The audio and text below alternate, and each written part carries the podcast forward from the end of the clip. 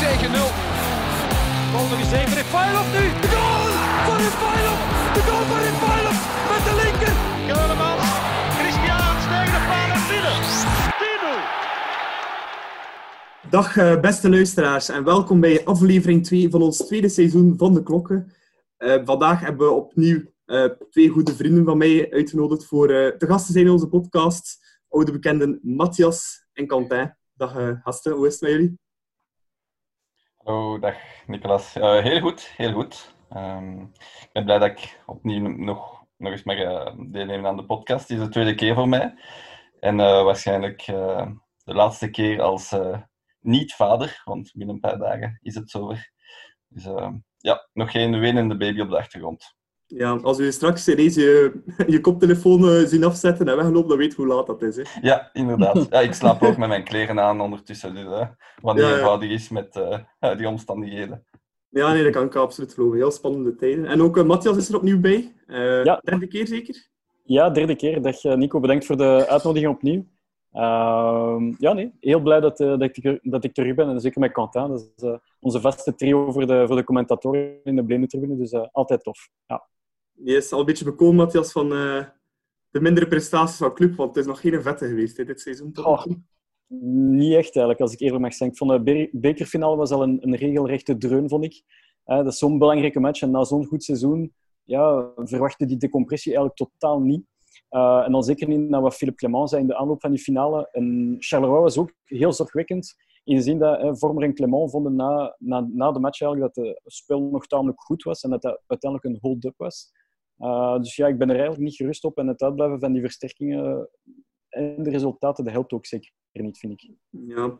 ja, we zullen misschien beginnen met eh, de laatste match eh, eens te bespreken, Club Charleroi. En Charleroi altijd een heel stugge tegenstander, maar ehm, ja, zowel de bekerfinale als tegen Charleroi niet kunnen scoren. Eh, is het daar dat het misloopt, helemaal van voor, denk je? Of eh, zijn er nog andere zaken die, eh, die mislopen, behalve in de spitskant? Ja, het heeft eh, met, met een soort eh, enthousiasme te maken, eh, met de energie en de passie die club meestal en vooral in thuiswedstrijden altijd ehm, ja, brengt en, en die, die het team ook helpen.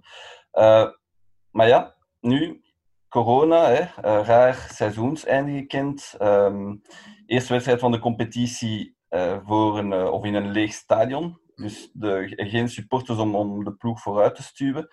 En, en ook weinig fut hè, bij, bij onze spelers. Ehm, niet enkel de, de waterdragers, maar ook de, onze sterspelers blinken niet uit.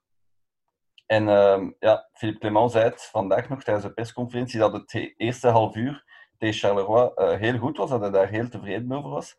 Maar ja, dat is ook eh, het enigste moment tijdens de wedstrijd dat Charleroi een beetje afwachtend heeft gespeeld. Want heel snel hebben ze dan begrepen, oké, dit club, dat kunnen wij aan en we kunnen hier iets komen rapen. En dan zijn ze anders beginnen voetballen, Charleroi. En de club ja, had gewoon geen reactie uit. En dat is wel heel zorgwekkend. Ja. Ja, inderdaad. Matthias, hoe heb jij dat gezien? Of, of waar denk jij dat het misloopt? Ja, ik denk aan de opstelling zal het, in tegenstelling tot tegen Antwerpen, zal het minder liggen, denk ik. Ehm, eerder een club die Charleroi in zijn favoriete spel laat komen, namelijk hè, een laag blok vormen en dan keihard voor de counter gaan. Ehm, ik ben wel akkoord dat Club zijn beste half uur speelde, weliswaar tegen Charleroi, want zeker niet zijn beste half uur van vorig seizoen. Maar tegen Charleroi was het wel een, een goed half uur. Maar nadien, zoals Quentin zei, eh Charleroi heeft het gewoon van ons overgepakt. En, ehm, en ja, ze hebben gewoon hun favoriete spel eh, gespeeld en Club was inspiratieloos. Ehm, en, en ja, we verliezen eigenlijk door een blunder van Mechelen, wat eigenlijk de allerbeste kan overkomen. Want dan denk ik spontaan aan zo'n Varane met, eh, met Real Madrid. Ja. Ehm, maar ja, we zijn verloren door onze kansen niet, af- niet af te maken. Zeker in het begin met eh, Dennis en, en Badji. Dat waren toch twee... Ja, de- als, je die na, als die na drie minuten binnen gaat, dan, Ja. allee, dan, dan... Die wedstrijd is nooit hetzelfde. Hè? Als Ja, Charleroi dus op gelijk- afstand zou komen. Ja, zoals bij Ballonta vorig seizoen. Dat was 1-0 na 50 seconden, denk ik. En dan zit je wel op, op roze. Maar uiteindelijk was die match eh, niet zo heel goed van ons. Maar eh, zo'n kansen moeten, er, moeten erin. En dan zeker tegen een ploeg zoals Charleroi, die toch altijd een, een stugge tegenstander blijkt te zijn. Ja, en als ik nog iets mag eh, toevoegen. Dat scoringsprobleem, dat kennen we al een jaar lang. Hè. Eh, ik kan mij niet voor de geest halen. Ik kan geen probleem... oh, Ik kan mij geen probleem voor de geest halen waar club zo lang mee heeft geworsteld. Hè? Mm. Kunnen jullie misschien iets opnoemen waar, of, of aan iets Ja. denken waar, waar club De, de keeper zo lang problemen mee gehad heeft als, als nu met de afwerking? Ja, de, ja, de doelman voor Mignolet was ook wel eh, een beetje een probleem. Hè. Ja, ja, inderdaad. Dat was ook dramatisch. En toen zijn ze met, met Mignolet afgekomen, maar ondertussen hebben we Kermenschik voor eh, 6,5 miljoen gekocht. Eh, is ehm ook Reke voor 8 miljoen gekomen. Reza het jaar daarvoor nog voor 5 miljoen. Dat is al enorm veel geld. En we zitten nog altijd met een, met een groot probleem. En ja, ik vind dat Clement wel een dominante ploeg kan ehm, op, ja, op het veld eh, brengen. Maar ja, hij, hij buit de, de kwaliteiten van bepaalde spelers. En ik denk dan aan bijvoorbeeld de diepgang van Okereke en zijn, zijn toorinstinct, want ik vind dat hij dat echt wel heeft, gewoon niet uit. En dat vind ik ook problematisch. Hij houdt, zich, hij houdt vast aan zijn 3-5-2-tactiek, met veel beweging hè, op de flanken. En ja, het brengt gewoon geen diepgang in het spel. En tegen ploegen die, die, die zich heel eh, diep laten ingraven, gelijk Charleroi en, en Antwerpen, en die, eh, nou, die heel goede koppers hebben van achter, ja, dan, dan raak je ten eerste tot heel weinig kansen en ten tweede tot, tot nog minder doelpunten. Ja, dat is- ja. Nee, mooie, mooie aanvulling. Klopt helemaal. Clement sprak van een, eh, van een hold-up van Charleroi. Maar dat leek mij persoonlijk toch een beetje overdreven. eh. Ja, nee, dat, dat was compleet van de pot gerukt, vond ik. Charleroi speelde gewoon met zijn wapens en, en had, ja, naast de goal hadden die toch twee, drie zeer goede kansen ook bij ingevoetbald. En zoals ik zei in het begin, na het eerste half uur heeft Charleroi ook effectief van ons eventjes overgepakt. Dus ik ehm, ben totaal niet eens met het feit dat Charleroi hier een hold-up heeft gepleegd. Dat hebben wij ook al meegemaakt op Jan Breidel met andere ploegen. Uh, maar Charleroi zeker niet. En, ehm, en als je op Jan Breidel toch drie, vier zeer goede kansen kunt bijinvoetballen, dan, ja, dan verdien je op zijn minst een, een punt. En eh, bon, oké, de winst is misschien een beetje overdreven. Uh, maar een gelijkspel zat er zeker in voor Charleroi, vond ik. Ja, Ja, Ja, die, die hold-up uitspraak, dat, dat heeft mijn wenkbrauwen ook eh, eventjes doen ja maar ik denk van veel mensen. Ja, dat, dat had zo'n een Jackie Matthijssen gehalte. Ehm, dat, dat leek op een uitspraak die, die bedoeld was om, om de, ja, de aandacht van, van het echte probleem te, te doen afwijken naar iets anders. Ehm, dus ja, ik, ik vraag me af of, of Clement ehm, zelf weet hoe dat hij de, de, de zaken gaat aanpakken. Ja, maar, maar in principe, de matchen waren een beetje kopies van de matchen die vorig seizoen zijn gespeeld. hè. Op Jan Breidel 1-0. Ja, de chance dat we toen 1-0 voorkwamen, uh, heel vroeg in die wedstrijd toen. Uh, maar voor de rest is ook zeer weinig gebeurd in die wedstrijd, weinig kansen. Uh, en in Charleroi was het gewoon 0-0 uh, vorig jaar. Dus ja, het is misschien ook gewoon... We hebben tegen Antwerpen gespeeld en tegen Charleroi, waren nu ook wel misschien wel de twee ploegen waar je het vorig jaar ook het allermoeilijkste tegen had. Dat zijn, dat, zijn heel, dat zijn twee heel moeilijk te bespelen ploegen die ja, vanuit de organisatie vertrekken, op de counter graag spelen. En, uh, en zo zie je eigenlijk, zoals je zei, de wedstrijden van vorig seizoen waren bijna copy-paste van dit seizoen. En het probleem is, vorig seizoen wonnen we net met een goal van Van Aken net achter de goal, of net niet achter de goal, uh, achter de goallijn. En dan Balanta scoorde na één minuut en dan plots niks meer, maar we wonnen wel. Ja, en dat was ook een gecontesteerd doelpunt, weet ik ook. Ja. Nog een fout vooraf. Dus, uh, allee, Inderdaad. Maar dit seizoen ligt het geluk niet meer aan onze kant. En dan verlies je eigenlijk beide wedstrijden. En dat is gewoon de, de realiteit van, van dit moment. Maar het kan weer opnieuw keren binnen enkele weken. Dat is een zekerheid. Ja, ja, ja nee, ik, vind, ik vind persoonlijk, sorry Nicolas, uh, ik, nee, ik, ik vind, ik vind uh, de, de situatie ook niet dramatisch. En het is waar dat de versterkingen uitblijven, maar dat, dat ligt vooral aan, aan denk ik, de, de Europese bekers. Uh, die verschoven werden door, uh, door corona en, en de markt die nog een beetje op gang moet komen. Maar ik denk dat we daar straks uh, nog over hebben. Um, maar ja, die, die wedstrijden, zowel de bekerfinale als de wedstrijd tegen Charleroi, die hoefde je eigenlijk niet te verliezen. Als je, ik vind de, de kans van Schijvers bijvoorbeeld in de tweede helft, diep in de tweede helft tegen Antwerpen in de bekerfinale, dat gekruist schot dat maar, maar 10 centimeter naast de verste paal naast gaat. Voor hetzelfde geld gaat die bal binnen en gaat club erop en erover. En win je nog de bekerfinale. Tegen Charleroi van hetzelfde als Badji na vijf minuten scoort, is het een andere wedstrijd. Dus inderdaad, Matthias zegt, we hebben het geluk niet meer aan onze kant. Uh, de details, ja, de, de muntjes vallen naar uh, ja, de verkeerde kant. Waar dat uh, vorig seizoen misschien aan de goede kant vielen. En ja, dus voor hetzelfde geld zijn we na Eupen weer gelanceerd, wie weet. En, en is er geen uh, vuiltje aan de lucht. Nee, klopt volledig. Het was ook de eerste match ja, op in een leeg Jan Breidel sinds... Ik heb maar één keer een lege match op Jan Breidel geweten, dat was tegen Napoli. Ooit mm. eens in de Europa League. Dat was al heel triestig voor te zien. Uh, denk je dat dat niet, denken jullie niet dat dat een grotere nadeel is voor de club dan voor pakweg andere ploegen dat wij in een leeg stadion moeten spelen?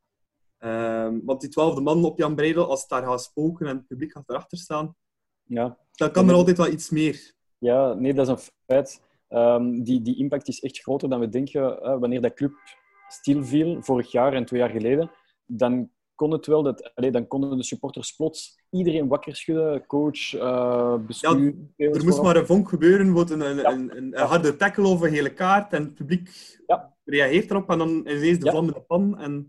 Voilà, en dan voel je ook dat we plots wakker werden en op 10 minuten konden wij ook het verschil maken. Hier heb je helemaal niks meer. Heb je ook nog die drankpauzes uh, twee keer per match. Dus ja, dan haal je alles eigenlijk compleet stil. En dat, dat was eigenlijk perfect voor, uh, voor Charleroi, omdat ze dan weer in die organisatie kunnen komen. Belossin als een spelers kan terugkopen. En dat is echt nefast voor club. Dus uh, laat ons rap terugkeren naar Jan Breidel. Maar tot, tot daar moeten wij het echt ja, ons best doen gewoon. En, en die matchen winnen op, een, ja, op kwaliteit. Ja, inderdaad. Allee, ik kan me ook wel inbeelden, like ploegen zoals uh, voor het Antwerp speelde ook gelijk van het weekend. Ook in een leeg Boswil-stadion. Op standaard zal het ook wel een stuk moeilijker zijn dan als anders die tribunes vollopen. Um, ja, in Anderlecht denk ik dat nu dat misschien juist averechts kan zijn, want als daar 10 minuten niet goed loopt, dan begint heel dat publiek te fluiten en dan heeft dat denk ik een averechtseffect. Dus voor hen kan dat misschien goed zijn als ze voor de slechte eerste helft spelen. Ja. dat daar niet al die druk op komt te staan. Dus ik ja. denk dat voor sommige ploegen misschien uh, allee, een zegen is veel gezegd natuurlijk, uh, maar wat minder nadeel is voor sommige ploegen dan voor anderen. Ja, ik denk dat je, dat je gelijk hebt. Die, die lege stadions helpen de thuisploeg niet. Statistisch gezien, ik denk dat de, de eerste speeldag een ramp was voor thuisploegen. Dus ja, het zou interessant ja. zijn om te zien of dat die trend zich voortzet.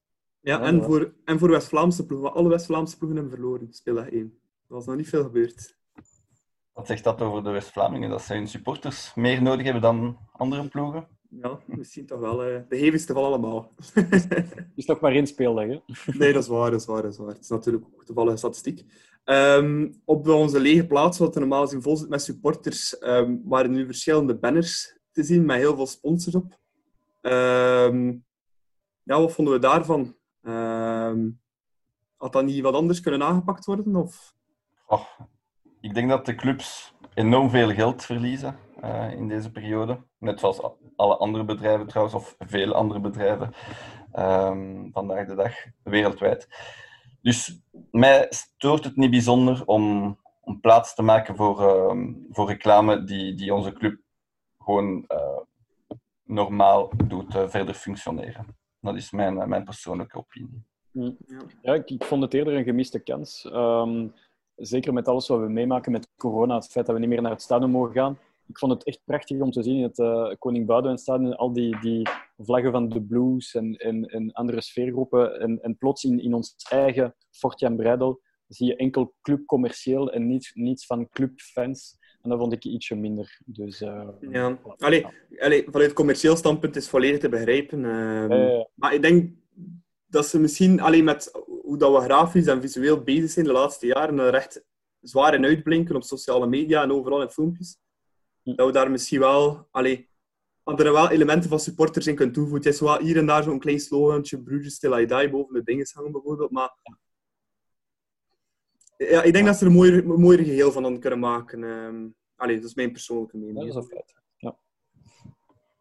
Dus ja. Maar bon, uh, dat gezegd zijnde over uh, die twee pijnlijke nederlagen uh, in het begin van het seizoen. Een ehm, voordeel misschien van die nederlagen is dat onze concurrentie het ja, ook niet echt fantastisch doet. Uh, Agent, onze grootste concurrent, die ging gewoon verliezen op Sint-Truiden. Um, David, ja, 32 miljoen euro verkocht, onwaarschijnlijk. Maar uh, ja, heel mooie transfer. Ook goed voor Belgisch voetbal, denk ik, dat er een keer spelen opnieuw boven die 30 miljoen wordt verkocht. Maar gaan ze dat vertrek kunnen opvangen? Um, en is Agent wel onze grootste titel, allee, titelconcurrent? Uh, Matthias? Ja, ik denk Gent en in een latere fase, na, na wat sterkere transfers, Antwerp, dat, dat, allee, zij vormen voor mij de top drie uh, dit seizoen met ons. Um, met David zijn ze enerzijds veruit hun beste speler kwijt, die voor heel veel diepgang en goals zorgde. Maar anderzijds ontvingen ze wel een smak geld. Hè. 32 miljoen, zoals je zei, dat is echt, uh, ja, echt een smak geld. Dat is 7 miljoen boven uh, Wesley Moraes, die, die de recordtransfer was tot, tot dan. Um, al zouden ze eigenlijk in feite nog veel meer geld gekregen hebben, moest, moest Gent eigenlijk een ploeg zijn zoals PSV, Ajax, Porto, Benfica. Uh, dus uiteindelijk, ja, het is, een, het is een heel mooie deal, 30 miljoen. Maar het had even goed 40 of 50 kunnen zijn, moest het een andere ploeg zijn. Dus uiteindelijk vind ik het wel een, een, een logische som.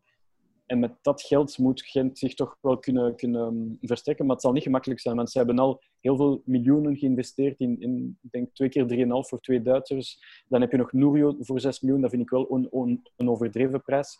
Um, dus ze moeten wel een beetje oppassen met, oké, okay, we hebben geld en nu gaan we dat zomaar lukraak uitgeven. Want dat is altijd ja, het risico. Um, maar ja, Gent is echt wel on, onze grootste concurrent dit seizoen. En ik denk net erachter Antwerpen. Ja. ja, als ik Gent en Antwerp zou moeten vergelijken, dan, dan zet ik ze op hetzelfde schavotje. Uh, dan zie ik nog altijd een, een groot verschil uh, met ons. Dus ik zie ons ook eigenlijk redelijk gemakkelijk kampioen spelen. Hè? Laat ons hopen. Uh, maar ik zie in Antwerp een even grote concurrent als, als AA Gent voor de titel. En ik geef ze ja, misschien maar 15% kans, hè, Antwerpen, net zoals Gent. En ik geef ons de, de overige percentage. Ja. Um, ik vind, ik vind dat, dat, dat Gent nog altijd iets te veel van die, van die typische agent-transfers uh, heeft gedaan. Hè. Ik denk aan, aan een De Bruyne, aan een um, Botaka, hè. overbetaald voor Nurio. Het zijn weer ja, inheemse transfers die, die op zich niet slecht zijn, maar voor mij te weinig om, om voor de titel te spelen. Ja, die, die moeten echt al boven zichzelf gaan uitstijgen voordat die echt een heel grote meerwaarde kunnen zijn voor die ploeg. Allee, denk maar, ja, dat Gent kampioen speelde met uh, Milicevic en al. Uh, Alleen dat waren ook niet de topspelers. En Sven Kums ook niet. De Poitre ook niet. Die ook hier en daar gehaald. Uh, en ineens viel het allemaal samen. En al die spelers dan juist op dat moment allemaal een topseizoen. En stegen ja. ze boven zichzelf uit. Ik denk dat Gent ja. dat ook opnieuw nodig heeft voor ja. daar opnieuw te geraken. Ja, Gent is ook niet het, het, type ploeg die plots een prestigetransfer gaat doen. Hè. Ik denk aan Boussoufa toen dat ze die terughaalden. Ja, dat was ook totaal geen succes. En uh, hij was in die, toen wij kampioen speelden in 2016, was hij net terug van Gent in, januari. Um, maar Louagie heeft het meer van, zoals je zei, Quentin, meer spelers, inheemse spelers van de Jupiler Pro League, die wel een zeer grote meerwaarde betekenen voor hun ploegen. Zoals een Botaka, zoals een Nurio. Maar gaan zij het verschil maken in, in Europa en in de Champions Playoffs, ja, dat denk ik nu ook niet. Ja. Dan uh, ja, niet meer onze grootste concurrent, maar wel onze grootste aardsrivaal nog altijd, Anderlecht. Uh, ja, was het? We hebben 2-2 op KV Mechelen en dat was eigenlijk wel meer een hold-up dan, uh, dan dat dat bij ons het geval was, uh, denk ik, die 2-2. Ondanks dat ze 0-2 voorstaan. Verwachten jullie daar progress in the process? Of um, um, ja, is dat een beetje die in, hetzelfde bedje ziek zijn terug, zoals de afgelopen twee jaar eigenlijk? Ja, voor, voor mij um, denk ik dat ze... We krijgen geen kopie van het seizoen van uh, vorig jaar. Maar ze gaan nog altijd veel problemen kennen. Ik zie ze de play-offs bijvoorbeeld niet halen. Uh, al zie ik ze wel meer wedstrijden uh, winnen dan vorig seizoen. Ondanks het feit dat ze toch aan, aan kwaliteit hebben ingeboet. gewoon Roefje laten gaan, dat is volgens mij al een teken aan de wand. Ten eerste dat ze ja, geld nodig hebben, dat is overduidelijk. Um, maar ook dat ze gewoon verzwakt zijn. Ze, ze leggen al hun hoop op, op een paar jongens die, volgens mij nog niet het topniveau halen van de Jupiter Pro League. En Doku, dat, dat is een, een groot talent, denk ik dan. Ik ben ook uh, geen, geen scout. Maar die heeft wel iets. Maar ja, met zo één enkele speler wordt je ook geen kampioen. Uh, verdedigend zie ik ze even zwak als vorig seizoen. En Van Krombrugge, ja, die kan het ook niet alleen. Dus nee, ik zie ze, ehm, ik zie ze nog altijd een, eh, een, eh, de play-offs missen, maar misschien wel vijfde of zesde eindigen. Dan, dan nu wel. Ja, ik vind ook, ik ben zeker eens met, met Quentin. Uh, ik denk een, een, minder of een even slecht seizoen als vorig seizoen, dat is gewoon quasi onmogelijk. Want allee, vorig seizoen was echt behelpen. Um, maar ik denk wel dat ze nog met die 6 miljoen van Roef gaan proberen uithalen. Denk wel dat ze enerzijds wel versterkt zijn uh, momenteel. Uh, ik denk een Doku zijn tweede jaar gaat, gaat hen heel veel goed doen. Uh, denk ik. Dat is echt voor mij dat is echt de toptalent van, van België op dit moment. Um, en net erachter plaats ik dan Charles de Ketelaar. Um, maar Anderlecht, ja, ik denk zoals je zei, want ik denk dat ze net buiten de, de top 4 gaan eindigen. Dus ik gok een, een vijfde of zesde plaats voor Anderlecht dit seizoen. Maar erger als vorig seizoen, dat, dat bestaat gewoon niet. Dat, dat kan bijna niet. Zo'n doku, die is supersnel, hè? daar niet van. Maar vind je niet, die niet zo uh, te, te voorspelbaar? Goh, ik vind dat hij nog heel veel progressiemarge heeft. En uh, het is niet enkel de, de signalen die ik hoor in de media en van, van kenners die zeggen van oké, okay, Doku, dat is echt de toptalent bij uitstek. Zoals een Stan Francis, die zei onlangs in, in Meet Meet podcast van oké, okay, Doku, dat is echt uh, de topper in wording. Uh, maar daarnaast, als ik zijn interviews hoor na de wedstrijden, heb ik wel het gevoel van oké, hij is een beetje on-anderlecht. Hij is heel down to earth, hij is heel rustig. Hij wil gewoon zijn carrière op een rustige manier opbouwen. Dus ik denk wel, mentaal zit het goed. Zijn entourage zit het ook goed. En, en zijn spel gaat enkel maar beter. Dus ik denk, ja, die, die doku ziet er wel goed uit. Ja. Ja. En wat met die andere topspelers, of uh, toptalenten, Kana, Lokonga, ja. Amuzu, ik denk dat die zelfs uit de boot valt als we het over toptalenten ja. hebben. Nee, Amuzu, Amuzu is weinig soeps en, um, en, en Kana, dat is over de top. Ze maken er een, een groot toptalent van, maar ik denk niet dat hij het zal maken. Lokonga vind ik wel een goede speler en hij kan ook, hij kan, ja, à la Praat, Tielemans wel een mooie carrière maken, maar hij moet zich zeker nog bewijzen. En ik geloof het meest in, in qua talenten geloof ik het meest in die docu. Ja. Ja, ja, dat lijkt me ook een zeer sterke speler. Ook, hè. Uh, Antwerp um, speelde ook gelijk tegen Moes Kroen, nog een beetje in de bekerroes. Of uh, lag het ook aan de lege bossen, zoals uh, hier op Jan Breidel? Dat ze dat niet hebben kunnen forceren. Ja, of, of aan, um, een, of, nou aan te weinig tactisch inzicht van Ivan Leko. Want dat hebben we zelf ook meegemaakt soms hè, op, op club. Dat hij het moest hebben van uh, het enthousiasme van de, de supporters. En dat, het, dat hij tactisch een beetje stijf was. Um, hij heeft ook geen, uh, geen wonderoplossingen kunnen vinden op, op een ja, diep terugvallend Moeskoen, dat nu wel. En hij heeft een beetje pech dat, dat Moeskoen met een heerlijk afstandsschot uh, gelijk maakt. Maar ik vond het echt niet veel soeps. Of dat dan nu decompressie is na de bekerfinale, waarschijnlijk gedeeltelijk. Um, die lege tribunes zullen ook niet geholpen hebben. Maar toch, maar toch als je Leco bent en, en je, je hebt zoveel energie en, en, je team moet het van jouw energie hebben, ja, dan vond ik het uh, maar boven. En ja, ik ben, ik ben heel benieuwd naar de, naar de komende weken. Want hij heeft nu wel krediet opgebouwd. Maar als je die bekerfinale verliest, Leco zijnde, en de, de voorbereiding was eigenlijk ook niet goed. Uh, de kern is nog heel onzeker, hè, nog, nog niet af. Ja, dan, uh, net zoals voor Jens Torp, dan, dan wordt het al meteen warm. Ja, ja ik denk ook, ze gaan nog, denk ik wel, een paar, zo'n drie à viertal gerichte transfers maken, waaronder eh, Wesley Goed, die blijkbaar vandaag met zijn vrouw in, uh, in Antwerpen op, op de club. Dus als, als ze die transfer kunnen maken, is dat wel allee, terug een, een heel sterk, allee, een, belangrijke en sterke schakel in hun verdediging, die niet enkel kan voetballen, maar ook de andere um, verdedigers kan sturen. Um, maar inderdaad, dat, dat, het, het puntenverlies tegen Moeskroen is waarschijnlijk echt wel aan de warmte en de, en de bekerwinst. Dat zijn voor mij de twee belangrijkste aspecten. Maar dan nog moet je altijd winnen tegen Moeskroen, want de condities zijn dezelfde voor de twee ploegen. Um, maar ik zie Antwerpen Miets een paar goede versterkingen. En dat zullen ze echt wel doen, want de ambities van Gijsens en Donofrio hebben zij die echt wel al geuit in de media en ook in het openbaar.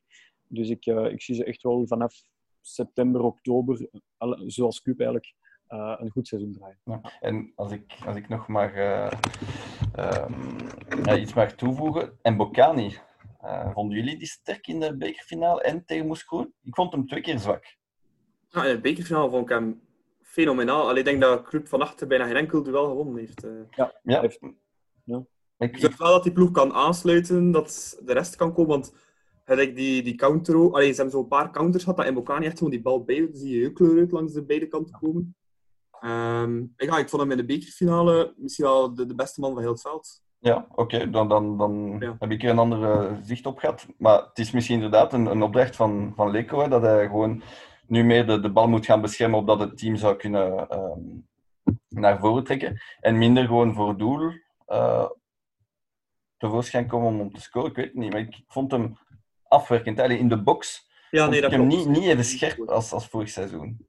Ja, ik denk dat hij het dynamisch, het dynamisch uit zijn spel is, is er een beetje uit de laatste jaren. Maar hij heeft dat enorm goed gecompenseerd met, met spelinzicht, met ervaring, met uh, panache. Uh, en zoals je zegt, uh, Nico heeft al zijn duels gewonnen. Ik denk dat Mechelen, en, Mechelen geen duel heeft gewonnen tegen, uh, tegen Mbokani. Bon, het is ook geen gemakkelijke. Maar ik heb al Mechelen al vaak Mbokani uh, in, zijn achter, in zijn achterzak zien steken, terwijl dat, dat totaal niet het geval was in de bekerfinale. En op zijn manier heeft hij echt wel het team geholpen om mee op te schuiven. En, uh, en ik vond hem samen met Refailov en, en Lamkelzee de, de drie beste spelers op het veld. Ja, nou, was, ik vond hem heel sterk in Mbokani. Ja. Nu, bon, genoeg over Antwerp. Uh, er waren wel nog twee andere topploegen die wel uh, wisten te winnen. Misschien niet de grootste titelfavorieten. Uh, Genk en Standaard. Al iets heel vroeg om te zeggen, maar kunnen ze misschien outsider zijn of verrassen dit seizoen? Overal van Standaard wordt niet veel verwacht. Van Genk met Dessers ja. en zo wel. Ja, van Standaard verwacht ik eigenlijk heel weinig. gezien hun kern en vooral gezien hun beperkt budget. Het, het rommelt daar nog altijd bij, bij Standaard, ondanks dat ze nu die nieuwe eigenaar hebben van... Um, uh, van de farmaceutische... Ja, farmaceutische ik weet ook zijn naam niet meer. Um, maar ja, een coach moet mij ook nog overtuigen. En, en ja, die keer als je echt puur de namen ziet en ook de el het elftal van Standaard tegen, um, tegen Cerkelbrugge, dat was ook weinig soeps uiteindelijk. Dus van Standaard ben ik totaal niet bang. Uh, van Genk zie ik wel de concurrentie aangaan met, met Anderlecht dit jaar voor de, voor de vierde stek. Dus uh, het is ook tweede jaar onder, onder Hannes Wolf. En uh, ja, ik vind toch wel dat ze zich versterkt hebben met, met Dessers, met die Munoz, die, die ook een, in mijn ogen een heel goede beurt heeft gemaakt tegen, tegen Zoltuarium. En ik denk wel dat er nog wat komt. En ook hun talenten van vorig jaar zijn nu een jaartje ouder. Dus van Genk verwacht ik wel top 4, top 5. Ja. ja. Ja, ik, ik, vond uh, standaard tegen Cercle goed in het begin, dan een beetje teruggezakt. Um, uiteindelijk met, met nog een beetje geluk kunnen winnen. Uh, dus nee, inderdaad, Montagnier heeft mij ook uh, nog niet kunnen overtuigen. Maar bon, ik ken hem totaal niet. behalve die ene wedstrijd dus. Um, dus ik geef hem echt nog wel krediet. Maar ik verwacht er ook niet, niet zoveel van. Want inderdaad, de, de elf van tegen Cercle Brugge waren geen elf spelers die, die voor de titel zullen spelen de enige die, die ik daarvan in mijn ploeg zou willen, uh, is Samuel Bastian.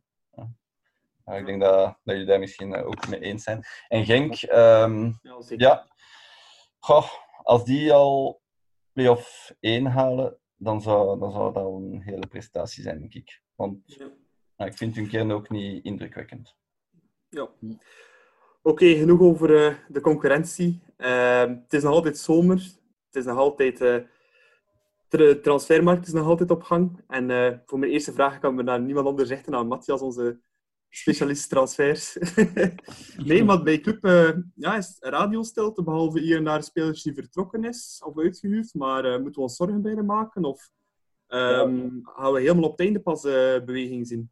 Kijk, ik, ik, maak, ik, maak me alvast zorgen. Hè. Dus, het is waar wanneer dat Philippe Clement zegt dat, er, allee, dat het voor veel ploegen momenteel juni is uh, in plaats van augustus. Maar bon, in België is het nu eenmaal augustus en we zijn nu bezig met het kampioenschap. Dus um, ja, het is waar dat club zich moet aanpassen aan de markt. Uh, maar één gerichte versterking had er allez, in mijn ogen altijd al moeten staan, vind ik. Um, en, maar ja, volgens Philippe Clement grepen we tot twee à drie keer toe net naast. Ik denk aan een Bright Osai Samuel, dat was er net naast blijkbaar. En, en blijkbaar nog één à twee andere spelers. Uh, heeft dit te maken met brute pech? Of dat we gewoon een categorie te hoog mikken in, bij bepaalde spelers, waardoor dat ze gewoon moeilijker, ja, de deal moeilijker te closen valt? Uh, misschien door een, uh, een, een, makelaar die meer geld wilt of, of tekengeld voor de speler, wie weet het. Maar als je mikt op hogere spelers die, die een hogere waarde hebben dan, dan de vorige transfers, dan weet je ook gewoon dat de transfer moeilijker wordt. Want ja, ze hebben ook andere aanbiedingen. En ik denk dat die Samuel zo'n schoolvoorbeeld is van oké, club, zeer interessant aanbod, mooi salaris. Jullie hebben ook de correcte prijs betaald voor, aan QPR. Maar ik wacht wel op een bod van West Ham, Crystal Palace, uh, noem maar op. En dan weet je gewoon van oké, dan, dan duurt het wat langer. En uiteindelijk heeft hij die keuze gemaakt op Crystal Palace. Dus club moet ook oppassen dat het niet te hoog mikt. Waardoor dat we uiteindelijk de toppers mislopen maar ook de, de plan B en de plan C ook mislopen, omdat zij al een andere ploeg hebben gevonden. Ja, de categorie daar juist onder in feite. Voilà, ja. Ja, ik denk dat je echt uh, nagels met, uh, of koppen met nagels, nagels met Ja. koppen slaan. Uh, maar het is, want ik denk dat het een, een combinatie is van twee zaken. Hè. Eh, Enerzijds, zoals je zegt, club mikt hoog. Hè. Ik vergelijk dat dan met, met uh, het voetbalmanagerspel. Wanneer je een kleine ploeg pakt, uh, je wint er een paar keer uh, Champions League mee of zo, maar het is nog altijd een kleine ploeg in een kleine competitie. Hè. Dan, dan heb je inderdaad wel het budget om voor sterspelers te gaan, hè, van, van meer uh, of hoger aangeschreven competities. Maar ja, die spelers moeten zelf ook nog altijd in uw kleine competitie willen komen spelen. En ondanks het feit dat, dat, je, dat je het budget hebt om, om ze te halen. Um, en dat is inderdaad nog een stap die club moet, moet gaan zetten, of die de Pro moet gaan zetten, om ja, gewoon meer overtuigingskracht te hebben, uh, meer aantrekkingskracht uh, voor onze Super. En in die zin uh, vind ik de transfer van David mooi, hè, dat, dat er toch zoveel geld wordt voor gegeven. Maar het belangrijkste blijft dat hij slaagt. Want zo niet is het weer een, ja, veel geld voor een, een, speler die het misschien niet waard is gebleken. Dat enerzijds.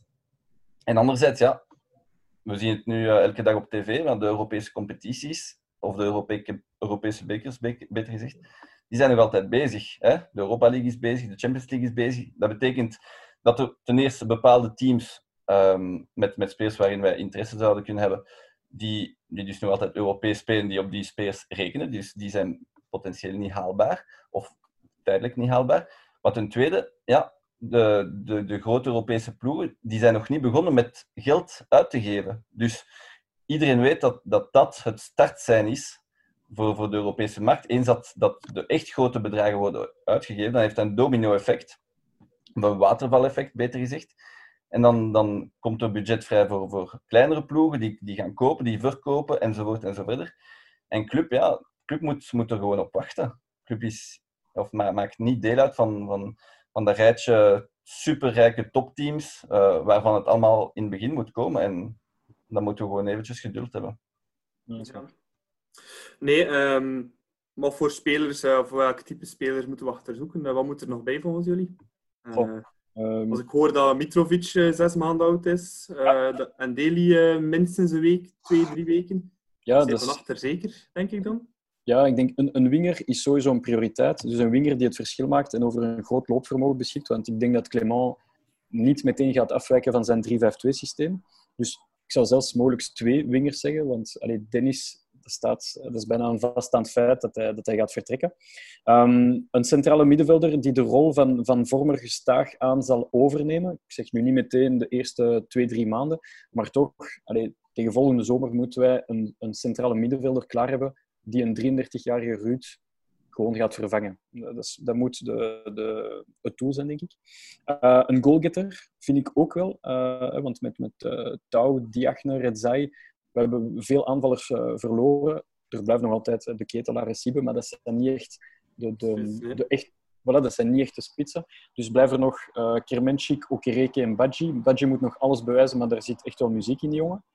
Okereke blijf ik steunen. Hij, hij heeft het in zich, hij heeft het al getoond. En, en mits diepgang, zoals je zei, Quentin daarnet, gaat hij er, gaat hij er geraken. Ja, hij is ook nog jong, hè. En altijd, ja. Ik denk 22 jaar nog altijd maar. Hè. Um... Ja, en, maar hij komt er wel. Ik, uh, ik maak me echt geen zorgen. Mits, mits goede passing van, van, van Hans en wat diepgang komt hij er wel. Kermenschik moet me echt nog zwaar overtuigen. Maar nogmaals, ik, ik blijf erbij. Ik ga hem pas in januari oordelen en, en niet ervoor. Uh, maar een goalgetter is voor mij ook een prioriteit. En dan, zoals je zei, een centrale verdediger. Links-rechts maakt niet zoveel uit, want Deli is nu geblesseerd voor drie weken. En daarachter, wie is de, wie is de optie? Rika. Oké, okay, Rika. Ik vind dat Balanta. Balanta eventueel. Hij heeft daar zijn match gespeeld in Basel. Maar opnieuw, ik ben geen fan van spelers op een andere positie te zetten. Dat, ja, dat geeft zo'n ongemakkelijk gevoel. Dus een, een, centrale verdediger is een must. En als Hoed uiteindelijk naar, naar um, Antwerp vertrekt, vind ik, dat, vind ik dat echt een, een gemiste kans. Want hij kan in het centrum spelen en kan als linker centrale verdediger spelen. En een verdediging, Deli, Hoed en Matta, ja, met Mignolet erachter, dat is toch wel mooi. Dus uh, pas op, Mechelen, fan. Maar um, ja, met die goed heb je nog meer zo van die, die grinta. We hebben het vorige week ook besproken. Maar goed had zeker gekund. Ja, voetbal misschien nog net iets sterker als die er ook tussen staat dan Mechelen. Allee, los van verdedigen, dat denk ik dat Mechelen wel uh, de streng kan trekken, maar uh, Ja. voetbal heb je daar weer nog extra opties. Absoluut. Dus voilà, dat zijn zo de, de vijf posities die ik zou versterken. Oké, dat zijn er wel veel. Ehm, maar ja, ik denk gewoon dat het brood nodig is. En je moet ook een kern verversen nadat een kern kampioen is geworden. Want anders komt die gelatenheid. En we hebben het gezien met, met Michel Prudhomme. In 2016 kampioen gespeeld. En het jaar 2016, 2017 was gewoon niet goed. Omdat we gewoon onze kern niet hebben ververst. Dus je Ja, moet dat- super, moet super slechte Champions League campagne toen ook.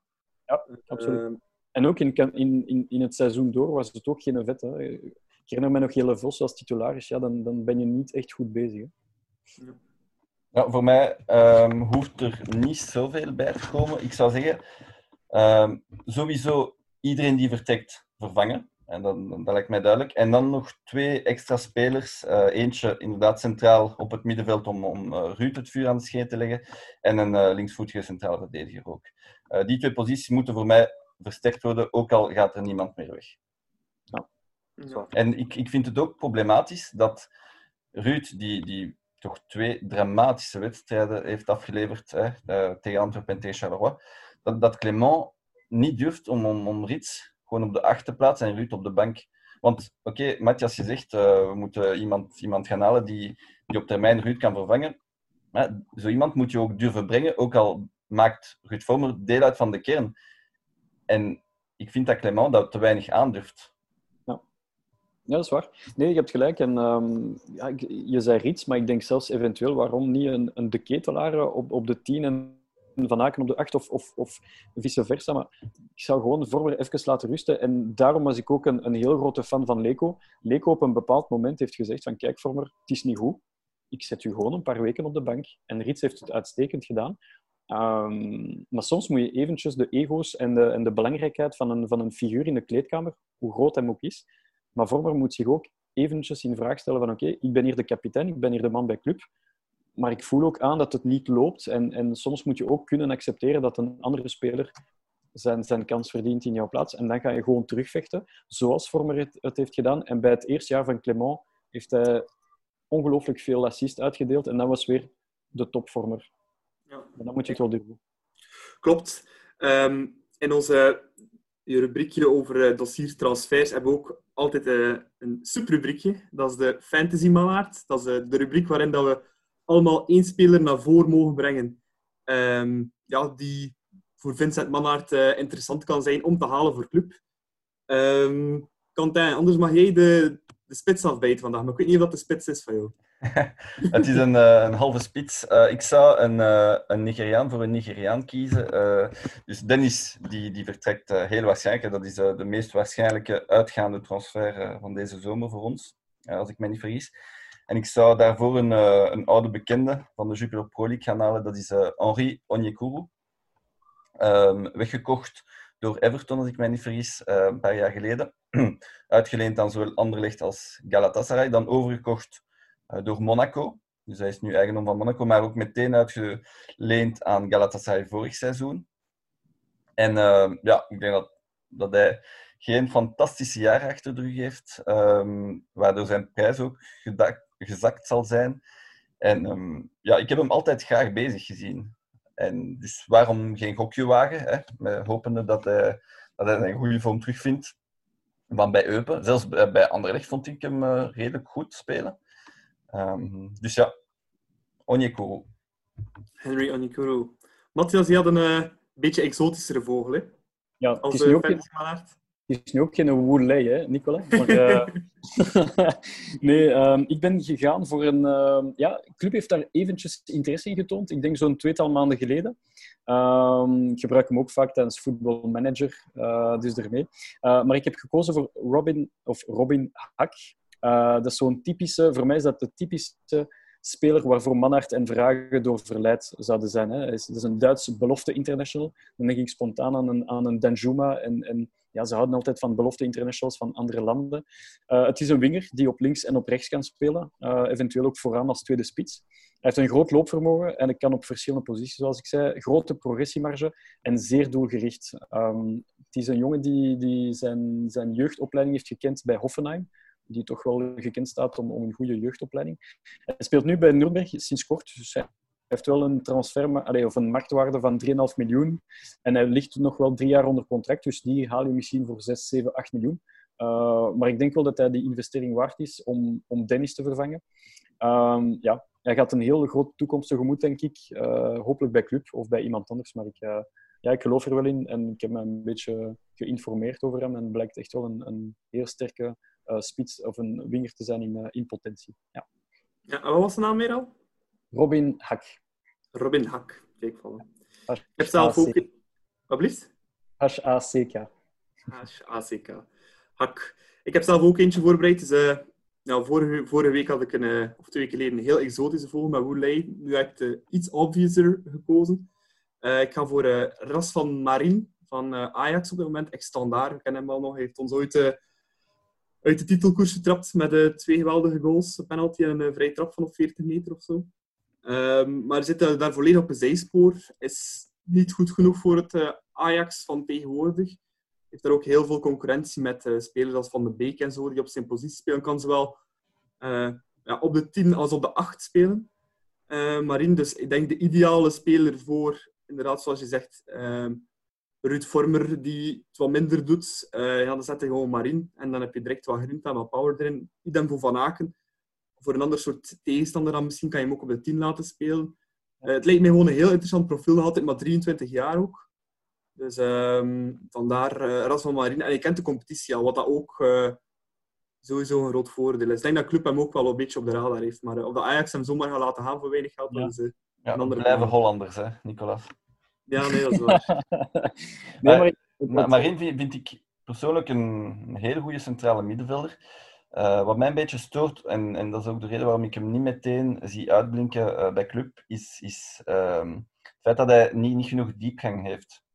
Uh, die infiltraties die, die Ruud Vormer zo karakteriseren, of, of zelfs een Samuel Bastien, die, die vaak voor het doel opduiken en die regelmatig scoren, dat vind ik niet terug bij Marin. En dat is wel een belangrijk onderdeel van ons spel. Ja, klopt. Ja, ja zeker op die achtpositie. Ja. Ja, en het, en het bizarre aan Marin is dat hij blijft vasthouden aan ik wil en ik zal slagen bij Ajax. Terwijl het Marin en Ajax, ik vind dat gewoon niet bij elkaar passen. Ik vind dat hij veel beter past bij inderdaad een club of een standaard. Um, ik zie hem bijvoorbeeld eerder passen ook bij, bij een Porto. Maar, maar Ajax, Ajax vind ik, ja, ik vind dat niet op zijn lijf geschreven. En voor zijn carrière zou ik gewoon dit, deze zomer zeker uh, weggaan. Bij club of bij iemand anders. Maar gewoon in een competitie of zeker met een ploeg die hem, die hem beter ligt. Ja. Dat is van Marien, de derde fantasy man speler dus. Hm. Um, om het stukje transfers helemaal af te sluiten, heb ik ook, zoals elke keer, zolang de transferperiode loopt, uh, leuke transferdilemma's voor jullie twee, uh, Quentin en Matthias. Ik heb er weer uh, ja, een paar moeilijke gemaakt. we gaan beginnen met één. Het is altijd het is het een of het ander. Er is geen keuze daartussen. Dus, Oké, okay. Hier komt de eerste. Um, Eén van de twee mag naar de club komen, los van hoeveel dat die kost. Marine of Samuel Bastien? Quentin, je mag eerst antwoorden. Ja, heel duidelijk, hè? Samuel Bastien. Ja. Wat zeg jij, Matthias? Ik ga ook voor Bastien. Ja. Oké, okay. dan uh, nummertje twee. Uh, je mag één speler van de huidige kern van Anderlecht aan die van club toevoegen. Wie pak je? Uh, Matthias, begin jij maar. Ja, ik ga voor uh, Doku. Ja, ik ga voor Kana. Kana, van achter. Oké, okay, duidelijke keuzes. Dan heb ik nu een uh, iets moeilijkere. Um, deze drie rode duivels, ex, allez, iets oudere rode duivels, zouden allemaal potentieel terugkomen naar België. Je mag eentje bij Club stellen, eentje bij Gent en eentje bij Antwerpen. En de spelers zijn Fellaini, Dembele en Vertongen. Matthias, wie stal je waar? Fellaini, Dembele en Vertongen, hè? Ja. Eentje bij Club, één bij Gent en één bij Antwerpen. Oké, okay. uh, Dembele voor bij ons. Ik vind hem altijd een fantastische voetballer, een heel mooie stijl. Um, toffe gozer ook, dus ik ga voor Dembele voor ons. Um, goh. Fellaini bij Antwerpen. Dan kunnen ze wat, wat verder blijven, blijven vechten. tegen alles en nog wat. Dat er wel nog passen, denk ik, Fellaini. Ja, inderdaad. En, en Vertongen bij Gent doet wel een beetje pijn in het hart, want, hè, want allee, Vertongen en, en Debele zijn ook boezemvrienden. Maar als ik echt moet kiezen, dan opteer ik toch voor Dembele, want ja, ik ben er altijd fan van geweest. Altijd. Ja, het, is geen, het is geen makkelijke, hè, Nico. Um, puur uh, door de nood zou ik zeggen Vertongen bij ons. Um, maar als, als Deli niet geblesseerd was, dan, dan had ik ook voor Dembele gekozen. Maar bon, ik ga zeggen, nou, Vertongen bij ons. Um, Fellaini, die mag, uh, die mag naar Antwerpen en, um, en Dembele die mag naar Gent. Goed, daar hebben ze... Ja, nee, ik, ik vind dat ze daar een deftig middenveld hebben en hij zou niet zoveel aan toevoegen. Dus daar liggen hun problemen niet. Maar hoezo? Dembele, uh, had ze wel vonk gegeven, denk ik. Ja, maar te veel van, van het goede, denk ik. Ja, ja, dat kan ook wel. Dat kan ook wel, Oké, okay, dat was uh, nummertje drie. Uh, nummertje vier. Eén van de twee moet vertrekken. Uh, Dennis of Diatta. Quentin. Wauw. Um... Ja, doe maar Diatta. Ik vind... Dennis ik heb, ja, ik heb heel vaak op Dennis gevloekt. Hè? Dat weet je, toen we samen naar de wedstrijd zaten te kijken. Maar toen dat ik hem nog tegen, tegen zag, en niet tegen Antwerpen dus, dan, dan besefte ik opnieuw eens van, goh, wat hebben die speler gemist? En uh, wat gaan we die missen wanneer dat die vertrekt? Hij brengt zoveel energie, snelheid, ja, gevaar. Gewoon, Dennis staat voor mij synoniem voor gevaar. En Diatta heeft dat veel minder. Ik, ik zie Diatta heel graag spelen. Het is een heel vinnige, enorm uh, snelle verdediger met overzicht en scorend vermogen. Maar hij brengt niet dat aura van gevaar dat, dat Dennis rondom zich heeft. Dus ja, vandaar de keuze. Ja. Matthias? Ja, voor de andere keuze. Uh, ik ga voor de andere keuze omwille van het feit dat Dennis fantastische speler en hij heeft opnieuw getoond, en dat vond ik heel chic van hem trouwens, want hij, hij weet dat hij in zijn hoofd bijna weg is. En ik vond Dennis tegen Charleroi de beste man van de match. En, en dat siert hem echt, want dat toont aan dat hij, dat hij zich wel nog bekommert om club. En, en dat maakt het mooi aan heel het verhaal. Um, maar ik vind dat Dennis... Op, uh, hij zit hier ook al, denk ik, 3,5 jaar. Uh, of zelfs 4 jaar. Um, hij zit op zijn plafond. Hij heeft zijn mooie goals gescoord tegen Real en Manchester United. Hij, heeft, ja, hij brengt een bepaalde dynamisme in de ploeg die onmis... Tegen, allee, uh, wij zullen hem enorm missen. Maar het is nu het moment om Dennis om die stap te maken. En ik denk hem nu weer een jaartje te houden, dat zou nefast zijn voor ons en voor hem. Terwijl Diatta, die heeft nog ongelooflijk veel potentieel in zijn mars. Dat voel je aan alles. Dat zegt ook Clement, alle trainers, alle, alle medespelers. En hem nu laten gaan, zou Nakamba gewijs spijtig zijn, want je, je zou er eigenlijk veel meer uit kunnen halen door hem pas binnen een jaar te verkopen dan nu. Natuurlijk moet hij zich nog herpakken. En Diatta was ook slecht en tegen Antwerpen en tegen Charleroi. Maar Diatta heeft wel nog die progressiemarge die Dennis niet meer heeft in België. Maar die Dennis zeker nog heeft. Dennis heeft gewoon frisse lucht nodig in Duitsland, Engeland, what's in the name. Maar in België heeft hij in mijn optiek niks meer te zoeken. Ja, dat klopt wel. Voilà, dan zijn we toegekomen aan de allerlaatste dilemma. Um, we hebben net de drie fantasy-manaard-spelers. Uh, Onyekuru, uh, Hak en uh, dan voor mezelf Ras van Marin. Eén van de drie mag komen. Vraag is simpel. Wie van de drie? Quentin? Ja, ik ken Hak persoonlijk niet. Um, dus het zal tussen Onyekuru en Marin zijn. Um, en omwille van, van te weinig diepgang, dan kies ik toch voor mijn eigen speler, Onyekuru. Matthias? Ik kies voor... Uh, want kiezen voor zichzelf vind ik wat minder. voor, een, voor een keer heb ik dat dan wel gedaan, hè, Matthias. Ja, dat is waar. Dat is waar, dat is waar. Foei, foei, foei. Ja, niet goed. Um, ik ga toch voor Marin kiezen. Um, omdat Ruud uh, concurrentie nodig heeft. Uh, on, Onikuru begrijp ik wel. Waarom dat je die... Ik vind ook een, een heel uh, mooie naam en mooie keuze.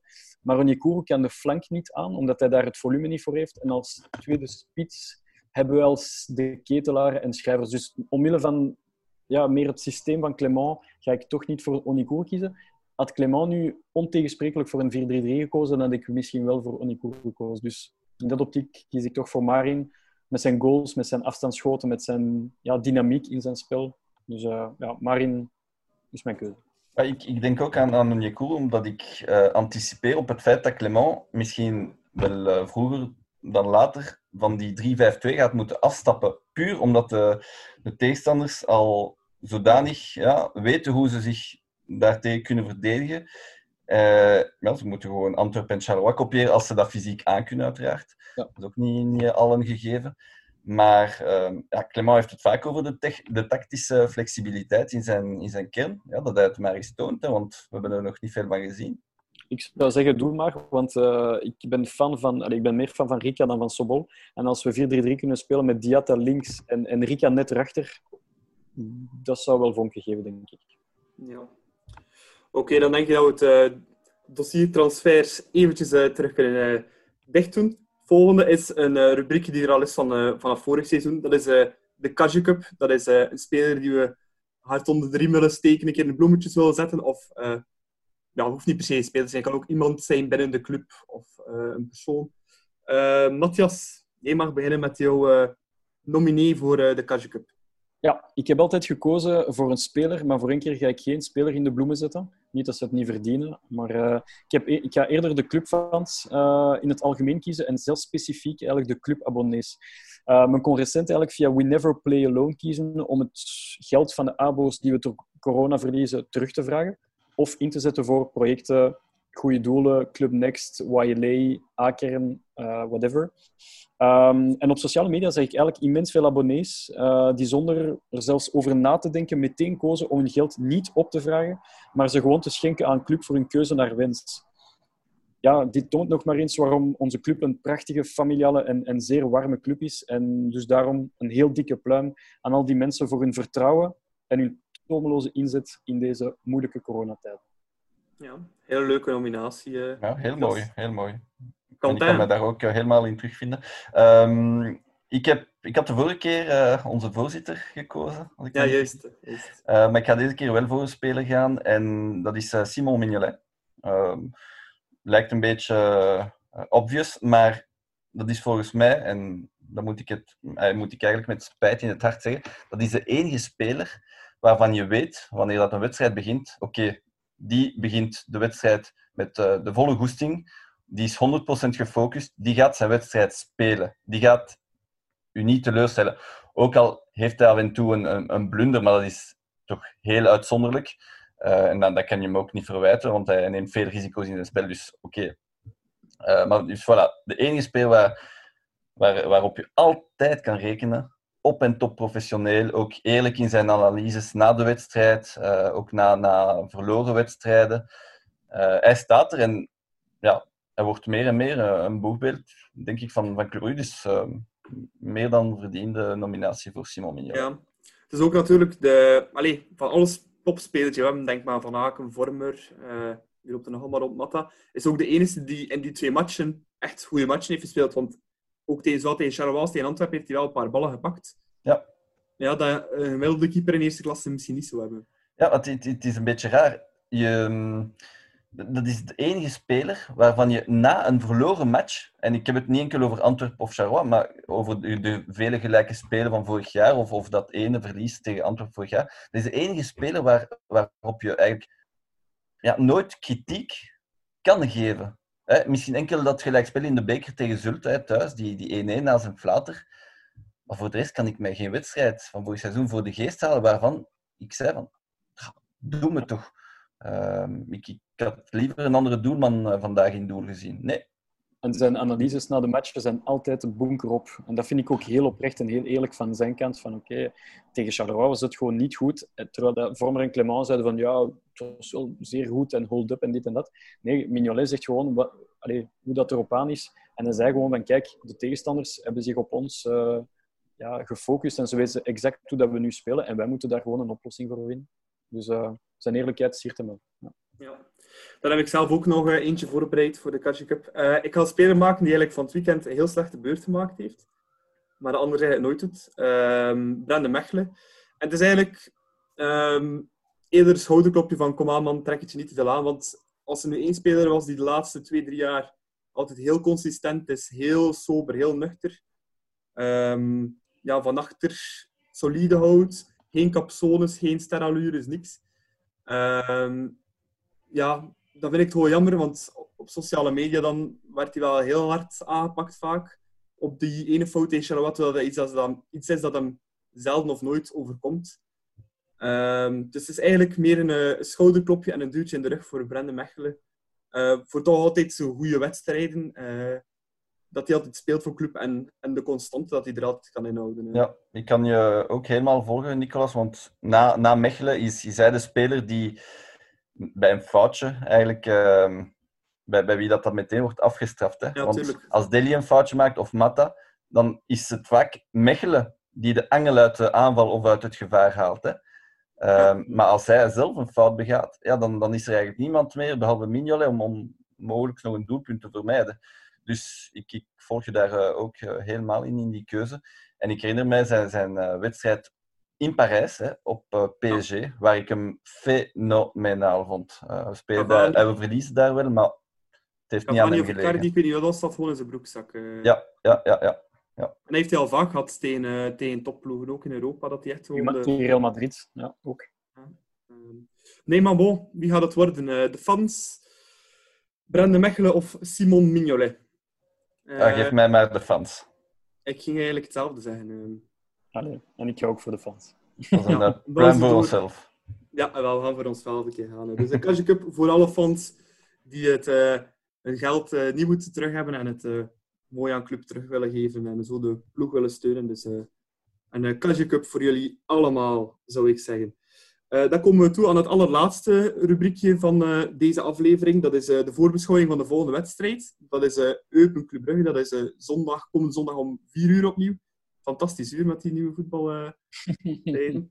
Ehm, vorig seizoen was het Eupen de enige ploeg samen standaard die niet verloor van club. Ze hebben weliswaar allemaal één match tegen club gespeeld omdat die laatste match niet gespeeld werd door uh, corona. Dat was normaal gezien de laatste speeldag uh, van de reguliere competitie. Um, maar toen was het wel kind of hold op een beetje een manier waarop dat Antwerp en Charleroi ook gespeeld hebben. Um, en ze zijn zeker niet verzwakt, Eupen. Ze hebben ook onder andere Benoit Poulain teruggehaald naar België. Um, Peters. Stef Peters. En dan uh, Adriano nu van Bar Allee, de ex-Barcelona ja. speelde twee keer Champions League gewonnen, vier keer La Liga. 190 matchen voor Barcelona, denk ik. Dus uh, uh, mogen we ons opnieuw wel zo'n wedstrijd verwachten, zoals uh, vorig jaar. En dat was ook in augustus ergens, denk ik. Dat was een heel frustrerende wedstrijd, dat weet ik nog. Wel een penalty niet gekregen toen, maar... Ja, het was, uh, het was zeker in augustus, want ik zat inderdaad op vakantie in Spanje. Ik volgde de wedstrijd op mijn telefoon. Um, en ja, die niet gefloten duwfout op, op Ruud Vormer, overduidelijk uh, strafschop. En je kan het... Uh, ja, je moet het de, de ver aanwrijven, hè, want het was misschien live op volle snelheid niet, niet 100% duidelijk, alhoewel, voor mij leek het wel duidelijk. Maar met de ver moet je zo'n strafschop altijd uit. Maar bon, uh, Eupen ja, heeft ons ook getroffen uh, op dat moment toen we ook niet zo sterk bezig waren. Hè. Ons, ons seizoensbegin vorig seizoen was... was ja, trouwens, die Europese kwalificaties ook. Ja, voilà. ja dat was tussen twee, tussen twee wedstrijden tegen Dynamo Kiev, als ik mij niet vergis. Ja. Um, en dus misschien waren de spelers daar ook uh, niet, niet 100% gefocust. Nou, wie weet. Maar toen was ons ja, seizoensbegin ook niet, niet indrukwekkend. En Eupen heeft ervan geprofiteerd. Hopelijk slagen ze er nu niet opnieuw in. Al vind ik ze dit seizoen, allee, puur op basis van, van de wedstrijd tegen OHL van afgelopen weekend, voetballend sterker. en gaan ze zich daardoor misschien iets minder gaan ingraven. Um, ik vind het spijtig dat ze niet konden winnen tegen OHL. Want dan had het een beetje uh, druk van hun schouders gehaald. En dan is een, een verliespartij minder erg voor die mannen. Nu gaan ze minstens voor een punt gaan.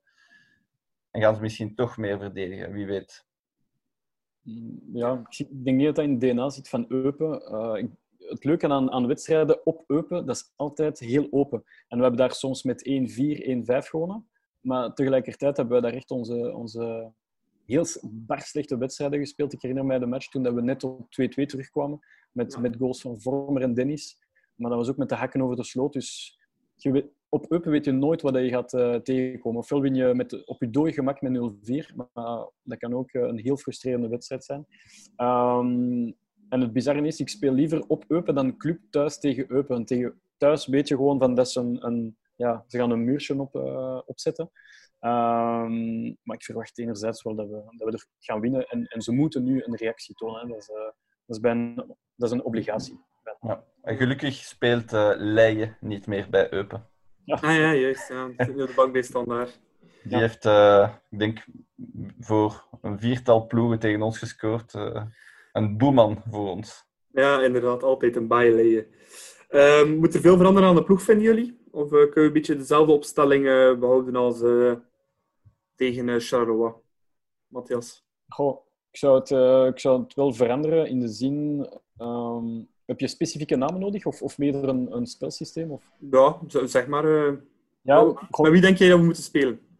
Ik, ik, zou, achterin zou ik het gewoon zo laten, want natuurlijk, eh, als Deli niet fit is, ja, dan, dan is Rika de logische optie. Dus ik zou gewoon Rika, Mechelen, Matta en Mignolet uh, laten starten. Um, op de vleugels heb ik gekozen voor um, Diatta op rechts en de ketelaren op links. Um, op het middenveld heb ik uh, Balanta, Rits en Van Aken. Dus Vormer even aan de kant laten. Um, en voorin uh, kies ik voor Badji en Dennis. Ja. Maar Dennis is wel uh, onzeker, hoogst onzeker. Zelfs na een trap op de enkel vandaag. Moest Dennis niet kunnen spelen, dan ga ik voor Okereke en Badji. Ja. Uh, Kota? Ja, ik, uh, ik zou achteraan ook niks uh, veranderen. Dus met uh, Rika die die um, voor Delhi. Uh, Balanta daarvoor. En ik ga mezelf een beetje tegenspreken, maar ik zou Vormer ook in de ploeg laten. Um, allee, ook. Ik zou Vormer in de ploeg laten, in tegenstelling tot Matthias.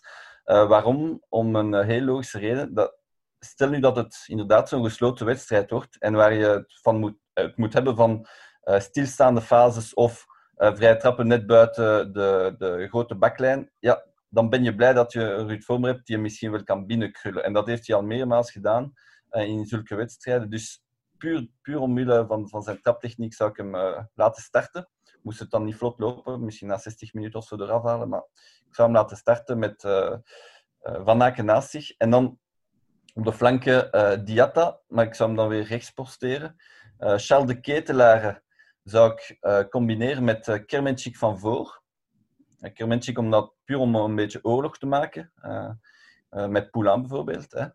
En de tweede flank zou dan... Uh, ja, ik zou misschien Badji inbrengen, maar een Badji en, en de Ketelaar misschien laten wisselen van positie. Eén keer uh, op de flank, één keer als tweede spits. om beweging en onvoorspelbaarheid te creëren daarvan voor. Ja. ik ging voor exact dezelfde opstelling gaan als Matthias, in feite. Met één verschil, ik zou met schrijvers Badgie spelen voor. Um, ja. ja schrijvers, ook... schrijvers zo, zo spelen die ja, wel afhankelijk is van een andere spits als in een twee-spitsen systeem. En dat is nog niet veel gebeurd, die combinatie, denk ik. En als dat ineens marcheert zoals uh, schrijvers Wesley dat ene jaar, ja, dan kan je wel vertrokken zijn van voor en uh, ja, heb je misschien wel de goals die je dan effectief ook nodig hebt. Dus, uh, en moeten we ons dan zorgen maken voor uh, Okereke? Nee, maar die jongen komt er wel, denk ik. Uh, maar ik denk dat hij nu gewoon niet zijn beste vorm zijn. tegen Charleroi was hij, ja, jammer genoeg voor hem, maar was hij echt helemaal nergens. Uh, niet gezien, heel de wedstrijd. Dus uh, laat dan de jongens spelen die het best in vorm zijn, denk ik. Dan. Tegen Antwerpen bedoel je? Wie, ook Reke, oh, maar ook tegen Charleroi. Uh, tegen Charleroi was hij heel... Allee, was de start, denk ik, ook Reke, niet? Ja, was... Badje was gestart. Ehm. Ah nee, nee, het was tegen Antwerpen inderdaad. Ja, tegen Antwerpen. Ja, ja, ja inderdaad. Ik vond toen de heel, ook... Uh... Heel, uh, ja, sorry. Nee, heel bleek toen. Um, ja, die jongen heeft wat tijd nodig, wat vertrouwen denk ik ook. Um, maar dat komt niet op 1, 2, 3. En ik denk dat dat ook niet het ideale moment is. Als je dan echt de punten moet gaan pakken, um, om spits zonder veel vertrouwen erin te zetten. Ja, maar zou die dan mentaal een beetje broos zijn? Misschien. Ja. Ja, ik zou die dan net wel laten spelen. Want ik denk met, met Poulain, ze hebben een, een redelijk logge verdediging daar bij Eupen. En als je die eindelijk de diepgang opstuurt, dan, uh, dan kan hij wel zijn goals maken. Dus ik, Dennis ziet er niet goed uit. Uh, qua, heeft echt een stevige trap gekregen. Dus ik zou... Ja, Badji Okereke, dat kan wel vonken geven, denk ik. Ja. Om de voorbeschouwing helemaal af te ronden. Uh, ja, nog een pronostiekje. Uh, Kantijn? 1-3. Matthias? 0-2. Ik zeg 1-2 voor Club. Met de hekken over de sloot. Ja, maar de drie punten dat is uiteindelijk het belangrijkste uh, in die ja, ja. Dus, uh, Absoluut. Absoluut. Oké, okay. dan zijn we helemaal rond, denk ik, uh, voor onze tweede aflevering van dit seizoen. Uh, Quentin en zijn vrouw is nog altijd niet bevallen, dus uh, dat is helemaal goed gelopen. Uh, ja, en... proficiat voor als het zover is, Quentin. Het spijtige aan, aan, aan heel die, dat gebeuren hè, met, met mijn kindje dat, dat op komst is, het feit dat hij een truitje van Valencia heeft en nog niet van club. Kun je Oei, dat voorstellen? Nou, we rap, rap verandering inbrengen. Ja, ja dat, dat, dat, moet, dat moet. Hè. We gaan, nu dat, we gaan nu dat cadeau maken, Quentin. We gaan, we gaan die direct goed opvoeden. Uh, bon, dat is het laatste dat ik nog moet zeggen. Uh, ja, bedankt Quentin en Matthias voor er opnieuw bij te zijn. Uh, en ja, we gaan elkaar wel nog snel zien en horen. Ehm, je kan ons altijd volgen op de kanalen op Twitter via @deklokkenpodcast en @thebluesfcb. Met de hashtag de Klokkenpodcast kan je ons ook volgen. En als je vragen, opmerkingen, suggesties of whatsoever hebt, ga je altijd een mailtje sturen naar podcast.bluesfcb.be. En dan zie ik jullie heel graag terug tot over een tweetal weken tot de volgende aflevering van De Klokken. Tot dan.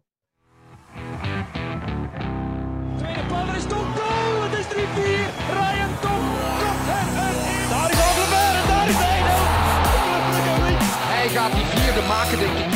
Ja hoor. Jamie Simons. 4 tegen 0. Bal nog eens even. Refailov nu. De goal! Van Refailov!